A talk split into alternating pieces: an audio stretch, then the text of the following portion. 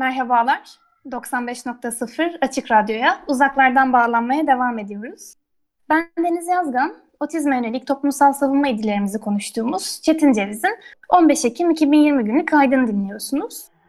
1 Temmuz'dan 7 Ekim'e kadar Otizm Politikaları ve Aktivizm serisiyle Türkiye'de var olmayan otizm politikalarından, bu politikaların oluşturulması için neler istediğimizden, otizm alanını bilinmez ve çözülmesi güç bir gizem olarak güzelleyen yapılanmadan söz etmiştik.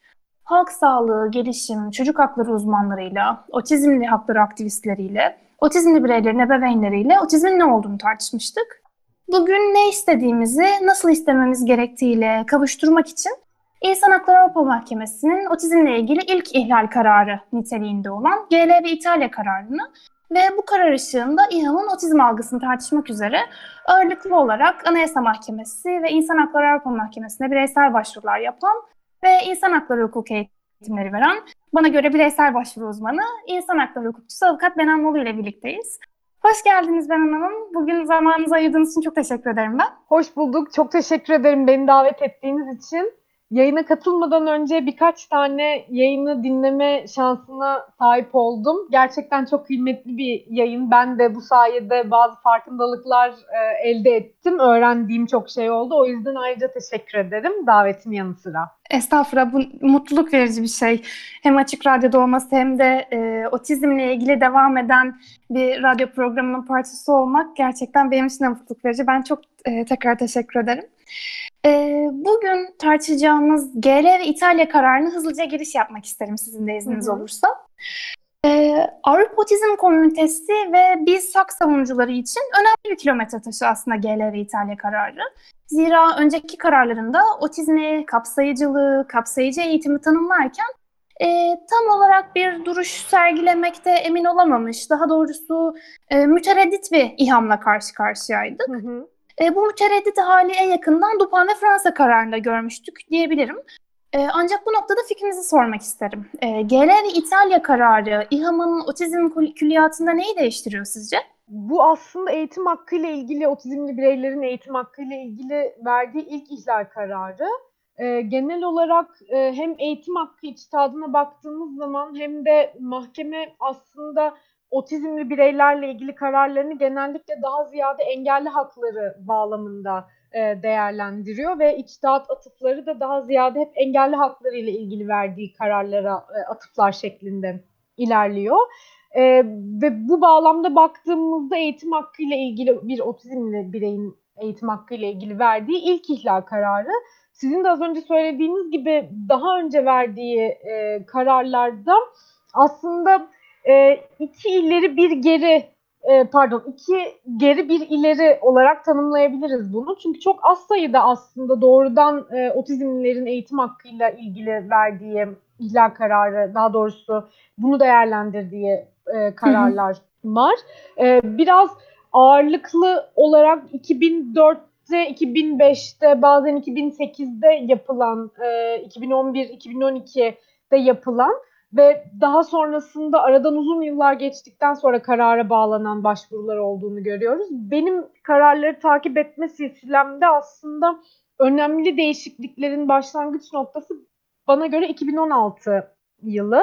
E, o da doğrudan otizmlilerle ilgili olmayan e, ama görme engelli bir kişinin üniversiteye kaydının yapılmasıyla ilgili olan Çam Türkiye kararıyla başlayan bir süreç.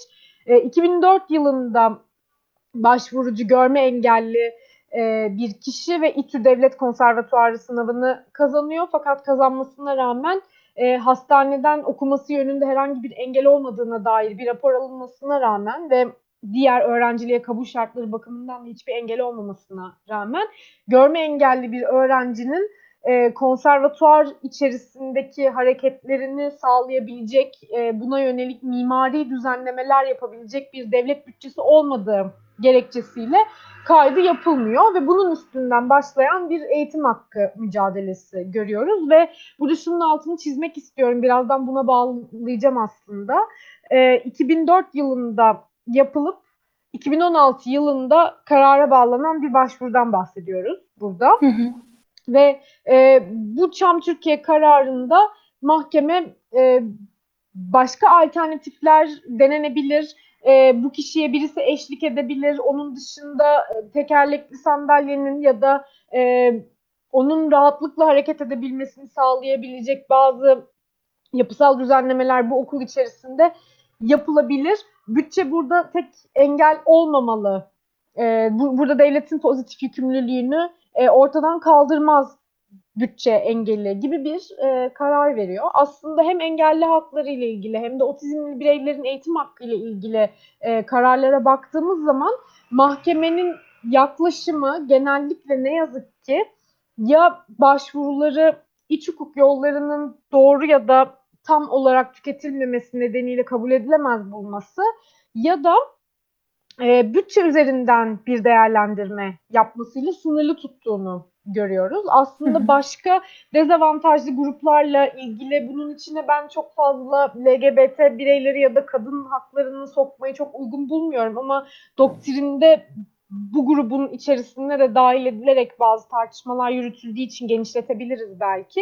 E, bu konularda verdiği ilerici ve daha toplumu dönüştürücü, kanunları dönüştürücü etkisi olan kararlarının yanı sıra engelli hakları ve e, otizmlilerin haklarıyla ilgili kararlarında birazcık daha sizin de az önce söylediğiniz gibi geri durmayı tercih ettiğini görüyoruz ve bu açıdan bence en önemli olan kararlardan bir tanesi yine Türkiye'ye karşı e, verilen ve bu konuda Türkiye'ye karşı çıkan ilk e, karar olan Sanlısoy Türkiye kararı. E, bu doğrudan e, otizmli e, bir öğrencinin, atipik otizm teşhisi konulan bir öğrencinin eğitim hakkı ile ilgili bir e, karar.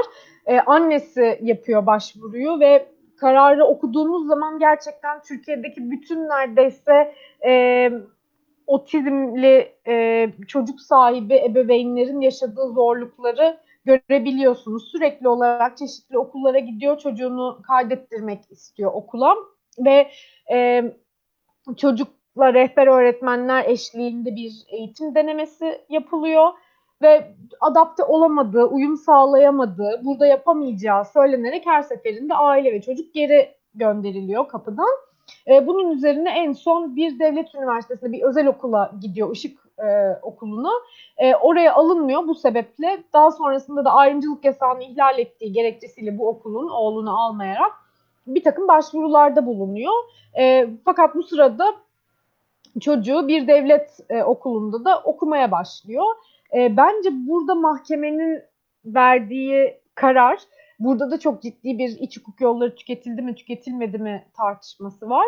E, ama şunu söylüyor mahkeme, e, bunu da belki biraz daha detaylandırabiliriz e, genele ba- e, bakıp. Şunu söylüyor, nasıl olsa bir devlet okuluna gidiyor. O yüzden özel okula gidip gitmediğinin ya da o okulun onu kabul edip etmediğinin bizim açımızdan bir önemi yok. Çünkü bir okul en nihayetinde bu öğrenciyi kabul etmiş. Dolayısıyla eğitim hakkı ihlal edilmiştir diyemeyiz. Zaten her okula da e, otizmli öğrencileri alacaksın gibi bir e, yükümlülük yükleyemeyiz minvalinde bir karar veriyor. Bu bence çok ciddi sıkıntı yaratacak bir e, yorum. Başka şekillerde e, tekrarlandığını da görüyoruz zaten ilerleyen e, kararlarda. Daha sonrasında bir Enver Şahin Türkiye kararı geliyor 2018 yılında Ocak ayında. E, omurilik felci geçiren bir kişinin e, üniversite hayatıyla ilgili bir karar.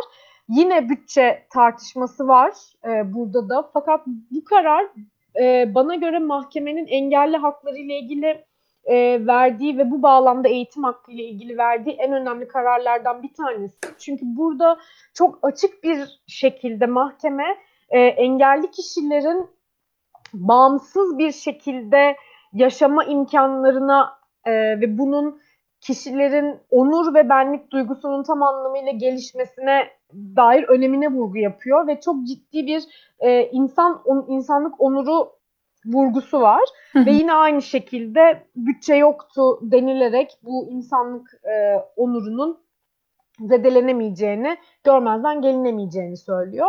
E, sizin az önce bahsettiğiniz Dupin Fransa kararı çıkıyor sonrasında Aralık 2018'de. E, burada da yine Bu da doğrudan e, otizmli bir çocuğun eğitim hakkıyla ilgili bir karar. E, annesi onun bir okula yazılmasını, yazdırılmasını istiyor ama tıpkı Sanlı Soy'da olduğu gibi bir takım denemelerden e, geçiriyorlar çocuğu. Sınıfa adapte oluyor mu, olamıyor mu buna bakıyorlar ve en nihayetinde de e, onun böyle bir sınıfta eğitim göremeyeceğine, daha özel bir, e, kendisine uygun bir eğitim alması gerektiğine e, karar veriyorlar. E, burada mahkeme herhangi bir ihlal kararı vermedi e, bu şeyde. Hı hı. Hem iç hukuk yollarının tüketilmesi biraz etkili oldu hem de yine az önce söylediğim şekilde e, tamamen de bu eğitimden mahrum kalmıyor ya canım tarzı bir yaklaşım sergiliyor mahkeme. Hı hı. E, bazı Romanya kararları var arada hatta bir tanesi büyük daire kararı. Onlar da engelli haklarına ilişkin ya da akran zorbalığına yönelik e, olan kararlar. Orada da benzer yaklaşımı sergiliyor ve en nihayetinde GL İtalya kararına geliyoruz.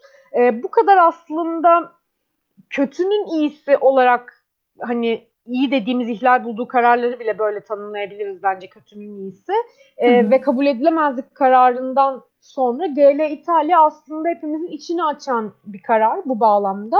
Sözel iletişim becerisi düşük e, otizmli genç bir e, kız çocuğunun 2007'de anaokuluna başlamasıyla birlikte İtalya'da bir kanun var buna e, yönelik otizmli öğrencilerin eğitim hakkına dair. Haftada 24 saat en az rehber öğretmenler eşliğinde özel destek eğitimi almaları gerekiyor. Fakat ilkokula gelindiğinde iki sene boyunca 2010 ile 2011 yılları arasında e, belediyenin belediyeye bir para aktarılmadığı, aktarılan paranın da bu özel eğitimi verecek hocalara bu paraların verilmesine yetmeyeceği yani yine bir bütçe kısıntısı sebebiyle e, özel destek alması mümkün olmuyor. Ve en nihayetinde de aile eğitim yarıda kalmasın diye kendisi bu eğitime e, para veriyor. Fakat bu duruma karşı davalar açılıyor. Bütün e, mahkeme sürecinde e, devletin kaynağı az, belediyenin yapabileceği bir şey yok burada e, deniliyor. E, burada mahkeme diğer kararlarında olduğu gibi Birleşmiş Milletler'in Sosyal Ekonomik Kültürel Haklar e, Komitesi kararlarına, e, Avrupa Sosyal Haklar Komitesi'nin kararlarına, Engelli Hakları Sözleşmesi'ne, tavsiye kararlara atıfta bulunuyor. E, ve eğitim hakkının ihlal edildiğine karar veriyor ve yine bütçe bazında bir değerlendirme yapıyor ama diğer kararlarından biraz daha ileri bir yorumla diyor ki ilkokul bir öğrencinin, bir kişinin hayatındaki en önemli, en temel e, eğitim alacağı yer. E, özellikle de e, hem toplumsal bütünleşmenin temellerini atıyor, birlikte yaşamaya dair bir takım deneyimleri elde ediyor. Hem de zorunlu olarak eğitimi e, sağlayan ülkelerde e, o temel eğitimin de alınmasını sağlayan bir dönem hayatta. E, bir öğrenciyi bu dönemdeki eğitimden mahrum bırakmanın kendisinin ileriye yönelik ciddi etkiler, olumsuz etkiler taşıyacağını ve durumun vehametini arttıracağını söylüyor. O yüzden de böyle bir noktada tek başına bütçeyi gerekçe göstererek e, bir otizmli bir öğrenciye e, eğitim vermeyi reddetmesinin eğitim hakkının sistematik bir şekilde ihlali olduğuna karar veriyor. Bu açıdan diğer kararlardan birazcık daha ayrılıyor. Ama Hı. belki biraz sonra tekrar detaylı olarak konuşuruz. Tabii ki bu nokta da yeterli değil bu ihlal kararı da ve hala o çekingenlik e, ve genel olarak yaklaşımdaki problemleri devam ediyor mahkemenin yine de. Aynen öyle ve bu noktada aslında e, birkaç paragraf atfı da yapmak isterim izniniz olursa. Hı hı. Çünkü İtalyan hükümetinin de oldukça direngen olduğunu düşünüyoruz, evet. görüyoruz burada bir ihlalin olmadığına yönelik. Hatta bir e, yaralayıcı bir kıyaslama da yapıyor aslında ALS hastalarıyla e, otizm spektrum bozukluğunda bulunan kişilerin arasında bir kıyaslama yapıyor ve kaynakların ve bu kaynaklardan oluşan e, aktarımların ALS ile otizm karşılaştırıldığında ALS'ye aktarılması gerektiğini evet. ve bu yüzden gerekli aktar, aktarım yapamadıklarını söylüyorlar. Evet. 46. ve 47. paragrafında görüyoruz bunu kararın. Bunu e, hala değişimin biraz e, değiştirmeye sürükleyerek e, gerçekleştiğini görüyoruz. Gerek hükümetlerin gerek e, yerel yönetimlerin e, otizme olan, farklılıkları olan bakış açılarında ya da hayatı e, kapsayıcı hale getirecek uygulamalar bakımından bu oldukça düşündürücü e, dediğiniz gibi. E, bu noktada aslında biraz daha reeline girmek isterim konunun hı hı. izniniz olursa.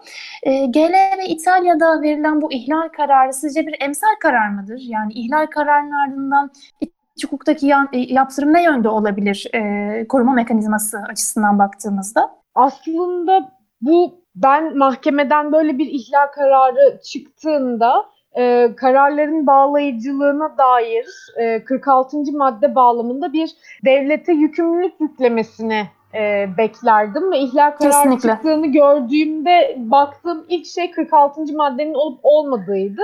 Aynı Fakat şekilde, 46. Evet. madde yok burada. Biraz böyle İtalya hükümetine yönelik eleştirileri var ama bunlar da çok sınırlı düzeyde. Dolayısıyla e, bütün geneli kapsayacak hani somut olarak kanunda şöyle değişiklikler yap, bütçede şöyle ayarlamalar yap, bütün yani ALS ve otizmi karşılaştırmayı bırak, bir hiyerarşi hı hı. yaratma ve bunun karşılığında ihtiyaç duyan kim varsa e, buna sen bir devlet olarak kaynak yarat, pozitif yükümlülüklerini yerine getir gibi bir e, yükümlülük yüklemiş değil. Dolayısıyla bu karar sadece e, aslında zaten o arada eğitim hakkı da ihlal edildiği için yani artık çok geç olduğu için e, sadece GL'ye bir tazminat verilmesini sağlayacak. Fakat elbette ki emsal olabilir. Özellikle e, bu problemin ağırlıkla yaşandığı ülkelerde bu karar gösterilerek devlet başka bir karar almaya, e, politikalarını değiştirmeye zorlanabilir. E, bir taraftan da belki bu karar kullanılarak mahkemeye kendi içtihadını daha da ilerici bir noktaya getirmesi yönünde bir takım uyarılarda da bulunulabilir. Çünkü bir taraftan da şöyle bir şey var. E, çok fazla aslında mağdur olan öğrenci, kişi ve aile var. Fakat bu mağduriyete oranla baktığımız zaman başvuru sayısı çok az. Dolayısıyla Maalesef. karar sayısı da çok az. Ee, ve mahkemenin hani bazı usulü problemler var. E, daha açık kapı bırakmasına sebep olabilecek e, başvurular var. Sanlısoy'da olduğu gibi hani özel okul gibi bundan bahsediyorum.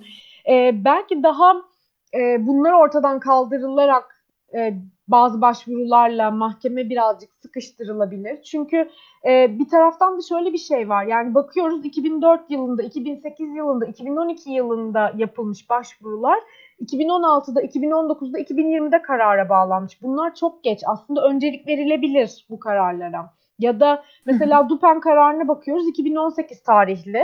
E, fakat hani bu karardan Fransa'ya karşı verilmiş bir karar. E, bu kararda ve ihlal olmadığına dair verilen bir karar. Fakat mahkemenin kendi atıf yaptığı Avrupa Sosyal Haklar Komitesi Fransa'ya karşı bir otizmli e, öğrenciyle ilgili ihlal kararı verdi mahkemeden önce. Mahkeme buna rağmen evet, evet. E, buna rağmen vermedi ihlal kararını ve bir taraftan da bence çok e, ayıp diyebileceğimiz bir bir şey. Yani ALS ile otizmi karşılaştırmasından e, da daha belki de sıkıntılı olan kısım. Şimdi Sanlısoy kararında DUPEN'de ya da GL'de şunu görüyoruz. Aileler sıklıkla çok fazla okulun kapısını çalıyorlar ve çok ağır Hı-hı. aynı zamanda psikolojik olarak da ekonomik kısmını bir tarafa bırakıyorum. Psikolojik olarak da çok zor süreçlerden geçiyorlar. Ve bu süreçler içerisinde e, yaşadıkları şeyleri genel olarak anlatıyorlar. Mesela Sanlısoy'da görüyoruz. Sedef Hanım çok uzun ve açık bir şekilde anlatmış. Şu okula gittim, kaydı yapılmadı. Şu okula gittik, kaydı yapılmadı. Şöyle bir muamele gördük, bizi dinlemediler, hı hı. almadılar. Ee, burada mahkeme bunu şey olarak adlandırıyor. Yani böyle genel olarak anlatmışsın bu süreci ama senin oğlun bunları ne kadar yaşamış? Hı hı. Ya da hani bu çok dar bir yorum ve gerçekten ailelerin üstündeki zaten hali hazırda var olan bakım yükümlülüğünü de çok e, arttıran e, ve çok ekstra yük yükleyen e, hem fiziksel hem psikolojik olarak hem de ekonomik olarak bir yük. Ama Hı-hı. daha da kötü olan kısmı sen zaten bir okula gidiyorsun diyor. Ve hani devlet mesela Samsoy'da olduğu gibi ya da Dupen'de olduğu gibi yani zaten bir okula gitmişsin. hiç gidemiyor değilsin. Ama git, gidiyorsun dediği okulda da yeterli bir eğitim alabiliyor mu? O bu soruyla ilgilenmiyor. Yani her halükarda bir okula gidebiliyor olmasının eğitim hakkı bakımından yeterli olduğunu düşünüyor. Ve daha Hı. da bence sorunlu olan kısmı ve esas olarak hani bu içtihadı bütçe meselesinden kurtarıp e, belki daha insan onuru ve daha sürekli o vurgu yapılan fırsat eşitliği kavramında tartışmaya döndürebilmek için Dupen kararındaki özellikle altı çizilen konu şu. Yani biz senin çocuğunu bir takım sınıflara götürdük. Senin çocuğun sınıflar çok kalabalık olduğu için bundan rahatsız oldu. Kendi yaş grubundan daha alt yaş grubundaki öğrencilerle kaynaştıralım dedik. O zaman bile sorulara cevap veremedi. E, katkı sağlamadı, katılım sağlamadı derslere. Yani Hı-hı. biz çabaladık ama senin çocuğun buraya pek ait değil gibi hani doğrudan çocuğu suçlayıcı bir e, alt metni olduğunu görüyoruz bazen kararlarda ve Dupen kararından sonra özellikle e, doktrinde çıkan eleştirilerde bunun Hı-hı. çok sık altını çizdiğini görüyoruz. Dolayısıyla mahkemenin bu içtihadı değiştirmesi lazım. Bunun olabilmesi için de önüne daha fazla daha nitelikli başvurunun gitmesi ve belki bu konuda daha fazla uyarılacak şekilde yazı yazılması lazım.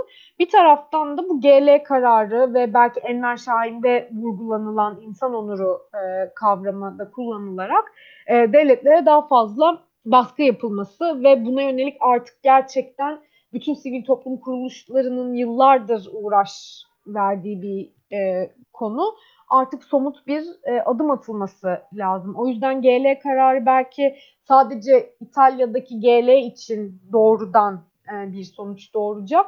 Ama bu mücadele açısından da ben ne olursa olsun çok önemli bir emsal karar olduğunu düşünüyorum. Kesinlikle katılıyorum. Aslında e, kararın sonuna doğru geldiğimde e, oy çokluğuyla verildiğini görünce e, aslına bakarsanız bir nevi alındım. E, bu kararın oy birliğiyle çıkacağını düşünüyordum ben ilk başta baktığımda. E, ve karşıt görüşün muhalefet şerhinin de oldukça enteresan bir şekilde kaleme alındığını gördüm. Hı hı. Çünkü e, aslına bakarsak, e, şimdi soyadınızı yanlış söylemekten çekinirim Sayın Yargıç'ın ama e, engelli olmayan öğrencilerin yararlandığı koşullarla engelli olanların yararlandığı koşullar zaten aynı olamaz gibi bir bakış açısıyla kaleme alınmış bir e, karşı görüş görünce ben çok şaşırdım açıkçası. Çünkü e, kapsayıcılıkla ilgili doktrinde büyük bir eleştiri almıştı Dupan ve Fransa kararından hı hı. sonra mahkeme ve halen ve halen kapsayıcılığın tam olarak ne demek olduğunu anlayamayan ve eğitim sisteminin hala omurgası oldukça kalın ve bütünleyici bir yüksek çıtayı aşıcı ve aştıktan sonra dikkate alınıcı bir yerde görmesi beni e, yine e, biraz tedirgin etti açıkçası. Bunun, bununla birlikte aslına bakarsak kendi ülkemiz için düşündüğümüzde anayasada da mesela başarılı öğrenci tanımını görmek bu konuda beni her zaman yaralar. Çünkü e, evet belki 80'li yıllarda yazılmış bir metindir. Belki kapsayıcı e, eğitim doktrini o kadar gelişmiş değildir. Evet vardır ama gelişmiş değildir. Ama halen ve halen e, öğrenciden ya da eğitimden bahsettiğimizde bir başarı e, evet. sınırı koymak, çıtası koymak ve bunun hala Avrupa Komitesi'nde de varlığını görmek biraz endişelendirici. Ama beni e, bir bireysel başvuru uzmanı olarak size e, belki şu an zamanımız yetmez, yetmez ama bir gün şunu da konuşmak isterim. Benim en azından başvuru olarak gördüğüm e, yalnızca kararların ya da uluslararası hukuk metinlerinin yığılması şeklinde değil, oldukça seçkin bir dizgiyle, oldukça güzel bir dizgiyle, otizme olan, otizmin realitesine güzel bağlantılarla e, sunulduğunu düşünüyorum. Gerek önemli kararların, Stoyan ve Romanya kararının örneğin, Farkaş ve Romanya, Çan ve Türkiye dediğimiz gibi. E, bu kararların gerçekten otizmle ilgili yanlarının yansıtılmış olması da belki otizmli hakları doktrinin oluşturulmasında bu çalışmalarda e, bir fayda sağlayıcı bir başvuru niteliğinde belki başvurunun örnekliği açısından konuşmak gerekebilir diye düşünüyorum. Kararın örnekliği evet dediğiniz gibi belki yalnızca GL'yi etkileyecektir ama e, sizin orada görüşünüzü çok merak ederim. Ben e, başvuruyu özellikle bir otizmli yakını olarak e, otizmlinin özgü durumunu anlatıcı buldum. E, hukuki evet. kısmı olarak siz aynı şekilde mi düşünürsünüz? Evet bence aslında Sanlısoy kararında da e, açıklayıcıydı aslında.